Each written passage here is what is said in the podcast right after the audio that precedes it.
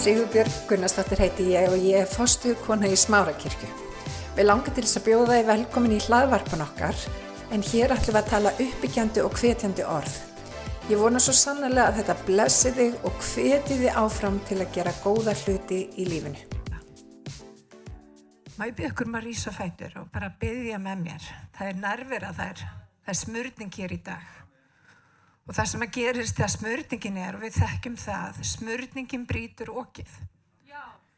Þú veist, við erum kannski að gangi gegnum eitthvað, það kemur eitthvað svona hugar víl í hugan. Svo er eitthvað sem gerist þegar smörningin kemur og allt í henni kemur þessi skýrleiki sem aðeins Guð getur gefið. Og ég trúi því að hann vil gefa skýrleika hér í dag. Ég bara trúi því. Ég veit hann hefur verið að gera það með mitt líf undanfarið og ég trúi því hann vil gera það sama fyrir ykkur. Hann nefnilega fyrir ekki manngarinnar álit. Hann er nefnilega svo frábær. Hann gerir engan greina minna fólki. Og við erum öll bara börnin hans og ef við þurfum á ykkur að halda þá er hann trúr. Hann er trúr að gefa okkur það sem við þurfum. Þannig ef þú ert með eitthvað sem þú þart frá Guðið að halda, nefndu það við drottin gerð það núna bara þegar við byggjum saman. Lefðu, lefðu hrópi hjartans að koma fram. Hann heyrir, hann heyrir. Og það er ekkert svo smátt að hann sjá ekki.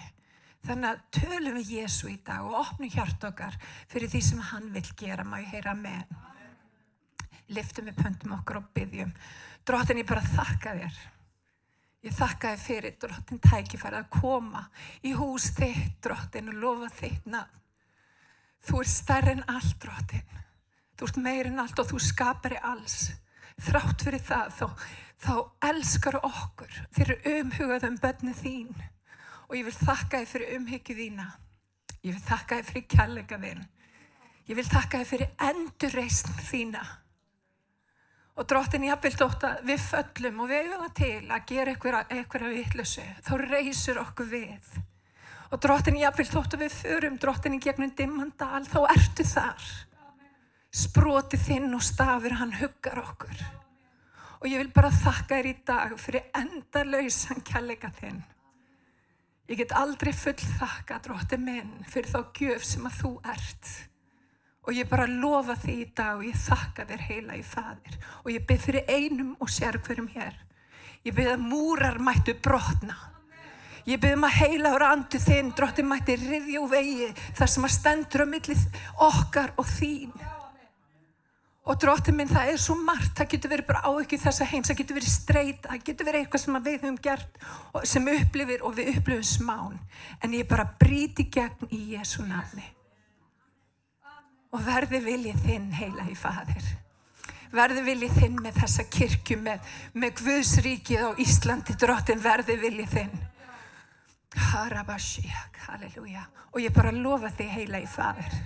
Í Jésu heila nafni og allir liðinu sagði. Amen, fáðu ykkur sæti. Mér langar að lesa hérna, mér langar að fara með ykkur bara í smá huglengar sem okkur hefur verið að gefa mér vanandi þetta ár, 2022. Það er margt að gerast, vinir. Það er margt að gerast. Nýbúð að opna og fólk er svona tínast aftur á sangkomu. Komin tími til. Amen. En mér langar til að fara fyrst í hérna rétningarstað sem er í Efesus 5 og það er svona kannski orðið um, yfirskrift prétugunan er vakna þú sem séfur og ég veit ekki með ykkur en ég hef þurft að vakna.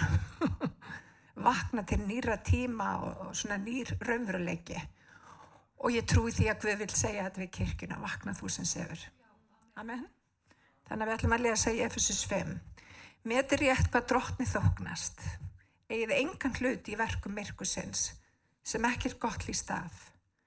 Heldur flettið miklu frekar ofan af þeim. Því að það sem slíkir menn frem í leindum og jafnvel, er jafnvel svífurlegt um að tala. En allt það sem ljósið afhjúpar verður augljóst. Því að allt sem er augljóst er í ljósi. Því segir svo, vakna þú sem sefur og rýs upp frá döðum ætla að segja þetta aftur, vakna þú sem sefur og rýs upp frá döðum og þá mun Kristur lýsa þér. Hafið því nákvæm að gáta á hvernig þið breytið, ekki sem fávís, heldur sem vís. Fyrir nokkru mánu síðan, þá las ég mjög áhugavert viðtal við Elisabetu Breitlandsdrottlingu. ég er mikill áhuga með um hérna, konungsríki í Breitlandi. Ég las til dæmis bókinum Díunu prinsessu þegar hérna, hún var og hétt og það var mikið áfall fyrir mig þegar Díana prinsessa dó. og ég man með þess að hvað ég var því ég fekk tilkynninguna. Jóhanna, varst það ekki þú sem ringdur í mig? Já. Ég ringdi hana fyrir göðum til þess að hafa þetta alveg á reynu. En allavega, ég las þetta viðtal við Elisabetu Breitlandsdrottningu og mér fannst það mjög áhugavert. Og hún var spurð í viðtalinu, er þetta ekki búið að vera erfitt? Er ekki búið að vera erfitt að fara inn í þetta hlutverk og hérna, og bara valda því? Vist að vera bara drottningi við Breitland og öllu því sem að því fylgir. Og hún svaraði mér mjög áhugaveru mætti, hún segi, auðvitað er þetta náttúrulega meirinn að segja það en ég fætti þetta. Ég fætti þetta hlutverk. Og hún sagði það sem að meira er ég var þjálfuð upp í þetta. Ég horfði á pappa minn og ég sá hvað hann gerði og ég hef í raunni bara hend eftir hún var sérstaklega læri sveitn pappa sinns og fyrir henni var þetta bara veist, hún segi ég bara hugsa þetta ekki þannig Þetta er bara það sem ég er fætt til að gera. Og ég hef mjög oft hugsað um þetta viðtal. Þetta er nefnilega ofinverðin. Það er bara ekkert öðruvís en það. Og það, það sem að gerist á lífsins skönguvinnir er að við rötum í alls konar hluti. Það kemur streyta, það kom áhyggjur inn í líf okkar og allt í einu fyrir raunveruleikin hérna fyrir utan sem er bara tímabundin raunveruleiki. Ekkur kringustæði sem er að við erum að gangi í gegnum okkur á þeim tíma og við gleymum okkar raunverulega tilgang í lífinu. Og það er nefnilega ekki gott. Og þar að leiðandi ofta sopnu við á göngunum með Guð út að við erum ekki að framganga, framganga í þeirri köllun sem að Guð hefur fyrir líf okkar. Guð hefur áallun og hún er stór. Og við gleymum stundum að það er hann sem hefur sigrað heiminn. Og vitið það, hann býr í þér. Hann býr í mér. Sem þýðir það að þegar við förum í gegnum kringumstæður, þá er hann sem hefur sigrað heiminn, hann er með þér í kringumstæðanum. Hann er ekkert að fara að skilja þig eftir eitthvað staðar. Hann er með þér. Og við oft flækjum málinn, við höldum einhvern veginn að þessu undir okkur komið. Við þurfum að vera svo klár og, og við þurfum að kunna allt en, En það sem var áhugavert við það sem að Breitlandsdrottning sagði, hún sagði þetta. Það er konungur sem er mér aðri. Hún er dýrlega frelsu kona. Hún er dýrlega frelsu. Og hún talaði um það í viðtalinu, hún bæði kvölds og morgna og oft á dag. Og hún vissi að kraftu sinn kom ekki frá henni sjálfri. Hann var gefin að Guði. Hlutverki var gefið að Guði. Og vitið það, Við þurfum að vakna upp í þennan raunveruleika. Og þú spyrir, ok, Elisabeth Breitlandsdrottning, hún á 70 ára uh, sagt, afmæli sem, sem drottning Breitlands í dag held ég. Og hérna, og þið hugsið, ég minna, Breitlandsdrottning, ég, ég sé ekki alveg samljóminn, jú við erum konunglegt prestafélag. Biblían er alveg skýr með það. Og við höfum vald og við höfum, uh, við höfum öll mæli trúar og við höfum öll ákveðna köllun á okkar lífi sem að við vil sjá eiga sér stað. En það sem að gera stundum að það fyrir að fenna yfir áhyggjur þessa lífs. Og látið mér þekkja það. Ég hef upplegað fullt af áhyggjum í þessu lífi. Það er alveg þannig og ég, ég fatta það. En þá þurfum að hrusta af okkur ríkið. Við þurfum að vakna, við þurfum að vera meðvitið um að vakna því að tíminn færist nær. Já, þetta er nefnilega svolítið magna. Takk fyrir mamma. Amen. Og það sem að meira er, veitir það, Guð nota nefnilega oft miðnættu stundin í okkar lífi. Hann nota stund þar sem við upplifum eins og við getum ekki hreift okkur. Það er allt svart, við sjáum ekki von. Og hann gerði það í mínu lífi fyrir 20 ára síðan þá eru búin að gangi í gegnum mikil áföll þú veist, ég var rosalega slæmum stað, andlega, búin að vera frelsu allt mitt líf. var bara alls ekkert að ná neinu hvað það þýtti. Sem er einmitt svo oft hjá okkur. Við vitum í rauninni ekki hvað við eigum. Það er nefnilega málið og við notur oft svona erfiðar lífsreynslu til þess að opna auð okkar. Og þarna var ég komin í algjörð þrótt og ég þurfti að taka ákverðun. Ég þurfti að taka ákverðun, annarkvort ætla ég að vera í þessu þrótar hugarfarið eða ég ætla að endur nýja hugan. Og ég ætla ekki bara að vera eitthvað sem að þekkir orguðs hér. Ég vil að orguðs fari hérðan, niður í gegnum hálsin sem er vilja okkar. Þetta er mynda vilja okkar hálsin og fari niður í hjartað. Og það sem við getum gert vinnir er bara reynilega að taka ákverðun. Við þurfum að taka ákverðun að vakna og hvað gerist ef við vöknum? Við förum úr einun raunveruleika í annan, ekki satt. Það er það sem gerist ef við vöknum. Og allt unn fyrir raunveruleiki Guðs að vera hlutskipta okkar. Og ég man á þessum tíma bara til þess að gefa ykkur svona bara örf á svona brota því hvað ég gerði. Ég settist niður með manninu mín og við tókum ákverðun. Við ætlum ekki bara að vera heyrundur og við ætlum að vera gerundur.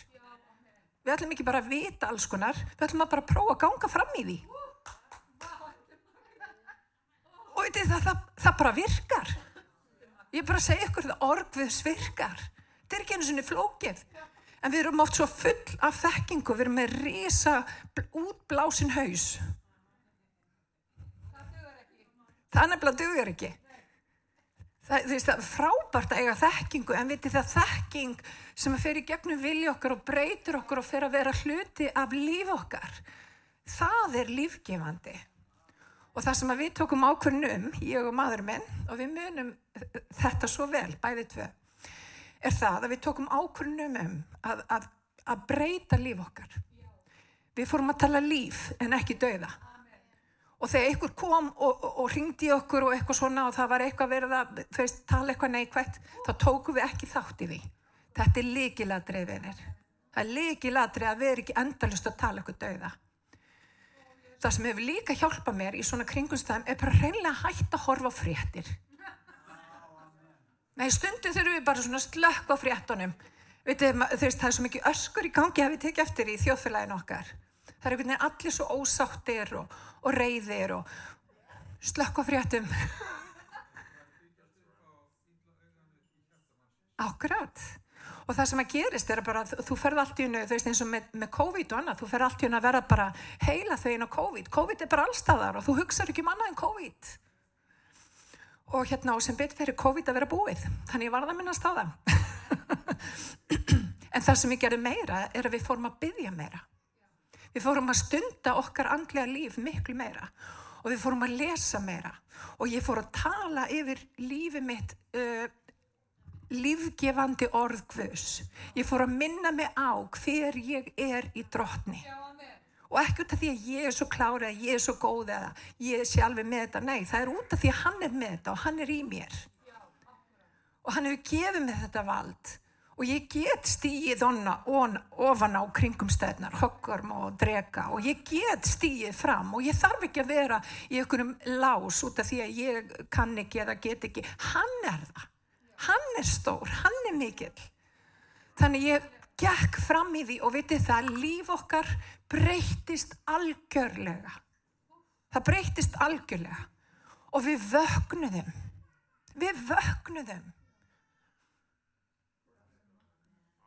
Halleluja. Og veitir það, ég trúi því að kirkjan á Íslandi, einstaklinga þurfa að vakna, kirkjan þarf líka að vakna. Við þurfum að vakna. Vakna þú sem sefur. Já, og rýsa upp, nákvæmlega. Og mér langar til að fara í Mattus 23, en þar er, þar er þessi saga. Dæmisaga. En, hvað saði ég? Já, þið, þið finna út úr þessu. Akkurat. Það, við erum rosalega heimilslega hér í dag. Þið finna út úr þessu. Já. Þetta er í biblíunni. En Jésús sagði, þá er líkt um himnaríki og tíu megar sem fóru til móts við brúkuma með lampa sína. Fimm þeirra voru fávísar og fimm hygnar. Þær fávísu tóku lampa sína en höfðu ekki ólíu með sér. Hvað er ólían í þessu samingi? Heila á randi, bæna samfélagið, vakning, ólían, brítur okkið og svo frammeðis og svo frammeðis. En hennar hyggnu tóku ólíu með sér á könnum ásamt lömpum sínum. Nú dvaldist brúkomanum og urðu þær hvað? Sifjaðar. Og þær sopniði. Og hvað gerir hann? Um miðnætti. Það er eitthvað sem gerist við miðnætti. Það er eitthvað sem gerist þegar við erum á stað þar sem við sjáum ekki hand okkar skil á miðnætti. Þá kemur oft kall frá Guði. Og þá kemur kallið sjá brúkuminn kemur. Hann er að koma. Og veitir það, ég trúi því að þetta orð sjá brúkuminn kemur, við vorum með þess að syngja það þann, kom drottin Jésús, kom drottin Jésús. Þetta hróp byrjar að myndast. Brúkuminn kemur og þá far alla megarnar að vakna. Og vinni, nú er þetta hrópað eiga sér stað, það er búið að vera svo sannarlega svart. Við höfum allar getað haldið samverur og annað slíkt. En nú er komið þetta kall sjá brúkuminn kemur. Því að kirkjan þarf að vakna. Við þurfum að vakna inn í nýjan raunveruleika. Við þurfum að vakna frá áhugjum þessa heims og við þurfum að stíga inn í eitthvað sem heitir nýr raunveruleiki. Það er raunveruleiki Guðs sem að þú og ég höfum aðgangað. Og sjá brúkuminn kemur. Halleluja. Takk Jésús. Nú er það, hérna, já. Og þetta hróp byrja aftur að myndast í mínu lífi. Ég er búin að vera frá vegna veikinda. Áhugjur þessa heims hlutir sem kom úr forti minni. Ég á mikla áfallasög á baki og ég þurfti að leita mig hjálpar. Og það var ymmit á þessum svarta erfiða stað sem ég var á bara fyrir nokkru vikum að kalli koma aftur frá drotni. Sjá brúkuminn kemur. Vakna þú sem sefur. Og hvað gerist þegar við vögnum?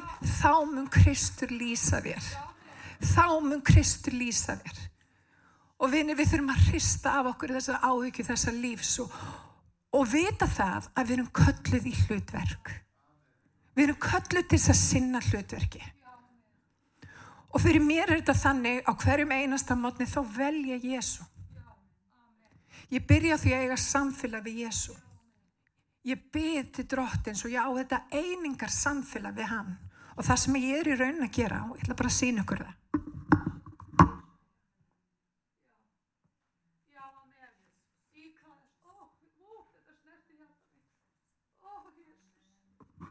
Og hverjum einasta degi þá bara vakna ég.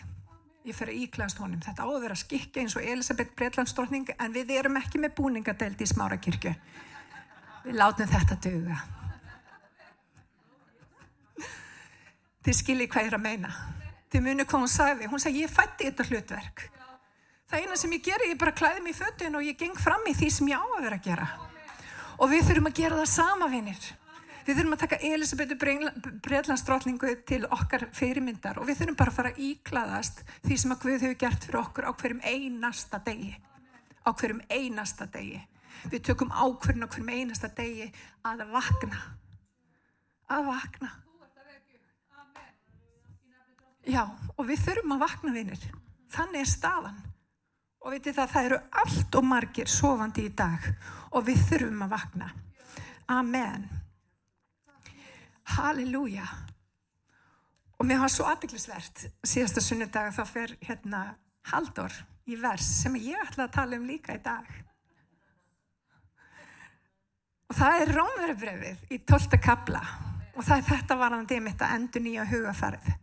Og mér langar til þess að lesa þessi vers bara örstuðt þannig að við séum öll bara on board. Því bríni ég ykkur sískin að þið vegna miskunar Guðs bjóði fram sjálfaður að lifandi heilari Guði þóknarleiri fórn. Það er sönn og rétt Guðstyrkuna við þar hendi. Fylgið ekki hátt sem er þessa heims. Látið umbreytast með hennu nýja hugafarið og læri svo að skilja hver er vilji Guðs góða, fagra og fullkomna. Nokkur aðri í þessu versi sem ég vil koma inn á. Hvernig umbreytust við? Hugafarið. Haldur kom inn á að síðast umbreyting hugafarsins stýður að skiptum skoðun. Og veitir það er opuslega þroskamerki að skipta um skoðun. Ef að Guði með aðra skoðun þá förum við inn á þá skoðun og það er þroskamerki og þá byrja þessi ávöxtur sem að Guð hefur lofað okkur og líf okkar, þá byrja þeir að koma fram í líf okkar þessi ávöxtur en það er annað í þessum vessum sem að gera það verkum að hugafari breytist og það er að við, sjálf, við leggjum sjálf okkur alltaf í Guðs það er frum frum orsök þess að hugarfara okkar breytist. Og hvað þýðir það? Að leggja sjálf og svo alltaf, þetta er svona orðalag sem að enginn skilur, þú veist, hvernig á ég að leggjast á alltarið? Og auðvitað er verið að vísa í Gamla testamenti, það verið að, lýsa, það verið, að vísa í það sem Ísæsmenn gerði forðum daga með því að fórna dýrum á alltari.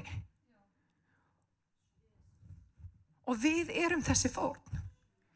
Jésús er henn fullkomna fórn en við eigum líka að vera þessi fórn. Egoið okkar þarf að deyja. Okkar plön þurfa að deyja. Hans plön þurfa að ná fram að ganga. Og hvað gerðist við fórnina? Hún breytt um form. Hún fór úr því að vera dýr og yfir í það að vera ösku. Og hvað saði við okkur? Hvað gerist fyrir öskun? Hann gefur fegurð í stað ösku, ekki satt. Hann gefur fegurð í stað ösku. Og hvað gerðist við öskuna? Hvað gerðu þið við öskuna á sínum tíma? Þeir fóru með ösku, öskuna út fyrir borgamúrana. Og veitir hvað hún gerði? Hún var lífgefandi fyrir holdsveika sem að voru fyrir utan borgamúrana. Þegar við breytum um okkar hugufar og skiptum um skoðun, þá eru við þessi fórn og alltaf í Guðs. Og vitið það, fólk sem er í kringum okkur mun líka upplifa lækningu. Lækningin kemur þegar við erum fórn. Hugafarið þarf að breytast þegar við tökum ákvörðun um að gera hlutin eins og Guð vil að við gerum hlutina. Halleluja. Og í dag, vinnir, þá er ég bara búin að taka ákverðin. Þetta ár mun ekki fara til ónýttis. Amen. Amen. ég ætla að sjá vakningu og ég ætla að sjá vakningu mínu lífi. Ég ætla að fara að stíga fram á það sem að Guð hefur sagt sem aldrei, aldrei fyrr. Og ég ætla að sjá Við ætlum að sjá róp myndast í þessu landi. Og vinnir, það er margt að fara að breytast. Kirkjan til dæmis getur ekki verið bara fólk sem kemur saman einu sinni viku sem ekki þekkjast. Kirkjan þarf að vera heima hjá okkur, hún þarf að vera staður þar sem við öll getum fengið uppörfun, kvartningu, leifinningu, þar sem við styðjum hvort annað og ég er mikið undafarið búin að vera að hugsa um frumkirkjuna.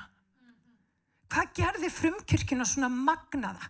Jú, þau komuð saman, þau brötu brauð, það var fræðsla, það var uppörfun, en þau stóðu saman. Og vitið það, á síðustu tímum þá kennir biblían að kella ykkur um kólnar. Það sem við þurfum að gera í kirkju Guðs, það er að glæða elda kjallegans ef að hjarta okkar er ekki opið, hvernig eiga á fólk hérna fyrir utan að sjá að við erum lærisvenna Guðs? Í þjóðfélagi þar sem að samskiptin eru like á Facebook og bara kasta hverju í gegnum Messenger, það er ekki nóg. Það er ekki nóg. Og við þurfum að passa að vera ekki hægjendum okkur og segja bara drottin frelsa þetta fólk að núti blessa þetta fólk að núti hann hefur sendt mig og þig og margir les ekki eins og í reikninguna. Þú ert reikningin sem að fólk les. Hvað sér fólk þegar það sér mig og þig? Það á að sjá kjallegan. Það á að sjá mannesku sem er búin að skipta um skoðun. Það á að sjá mannesku sem er búin að vera á alltari guðs, sem er lífkefandi fyrir viðkomandi. Manneska sem hefur eitthvað að gefa. Það er það sem að fólk á að sjá. Þannig ég segi enn og aftur, vakna þú sem sefur og rýs upp og þá mun Kristur lýsa þér. Þá munu ávextir andans fylgja þér. Þá munu hluti gerast í lífinu sem þau hefur aldrei trúað að gætu gerst. Það er það sem mun gerast og ég trúi því að vakningin hefst hjá okkur. Hún byrjar í mínu hjarta, hún byrjar í þínu hjarta. Og svo breyðist hún út eins og eldur, kjallegs eldur. Þegar við fyrum að uppröfa hvort annað, vera til staða fyrir hvort annað. Þegar ég segi fólki frá hvernig Guð hefur endur nýja mig. Hugsið ykkur. Hugsið ykkur hvað við höfum mikið að gera þegar við endum nýjum hugsun okkar. Þegar við skiptum um skoðun. Og þegar við erum orðin annað form og við erum lækning og lífgefandi fyrir þá sem eru andlega hold sveikir. Ég vona þið taki við þessum boðskap í dag því ég trúi því að Guð vil vekja okkur. Það er bara þannig. Já, ég ætla ekki að hafa þetta eitthvað rosalega langt en mér langar til að bara segja ykkur það sem ég er búin að vera að gerjast í mínum, mínu höfði varandi þetta ár. Og mér langar líka, það er einn pæling sem er svona fæðast í mínu hjarta sem að ég tel vera mjög mikilvæga. Og mér langar til þess að hérna, hafa fund, fund með kirkjunni. Til þess að fara í leiðir hvernig við getum vaknað. Og þeir eru velkomin og náttúrulega þeir sem eru í kirkjunni og er ekki hér í dag, allir velkominir. En ég ætla að senda út fundubóð þegar bara þegar það að kemur en mér finnst mjög mikilvægt að við búum til miklu meira samfélag.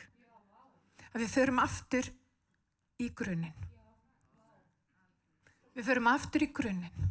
Við förum aftur í það sem að þeir gerðu á tímum kris. Og við förum aftur í það hvernig lærisöndu höguðu útbreyslu orsens, hvernig þeir voru til staðar og, og, og fólkið og það bættist í okkur með einasta degi vinnir út af þetta er ekki flókið. Við oft búum til einhvern pakka, pakkin sem slíkur er ekki heilagur, intakið er heilagt. Umgjörðin skiptir í rauninni ekki öllum máli, það er intakið. Þannig að við ætlum, að, við ætlum svolítið að finna út úr því hvernig við getum vaknað og ég hef ákveðna hugmyndur um það. Þannig að við langar til að segja okkur að það er fundur framöndan. ég elska fundi. En er það ekki bjarsi fyrir, fyrir árið? Er það ekki? Þetta er nefnilega magnað ár. Amen. Auðvar rísafættur. Ég voni ég sé ekki of æst og þeir sé bara, ok, ráum okkur.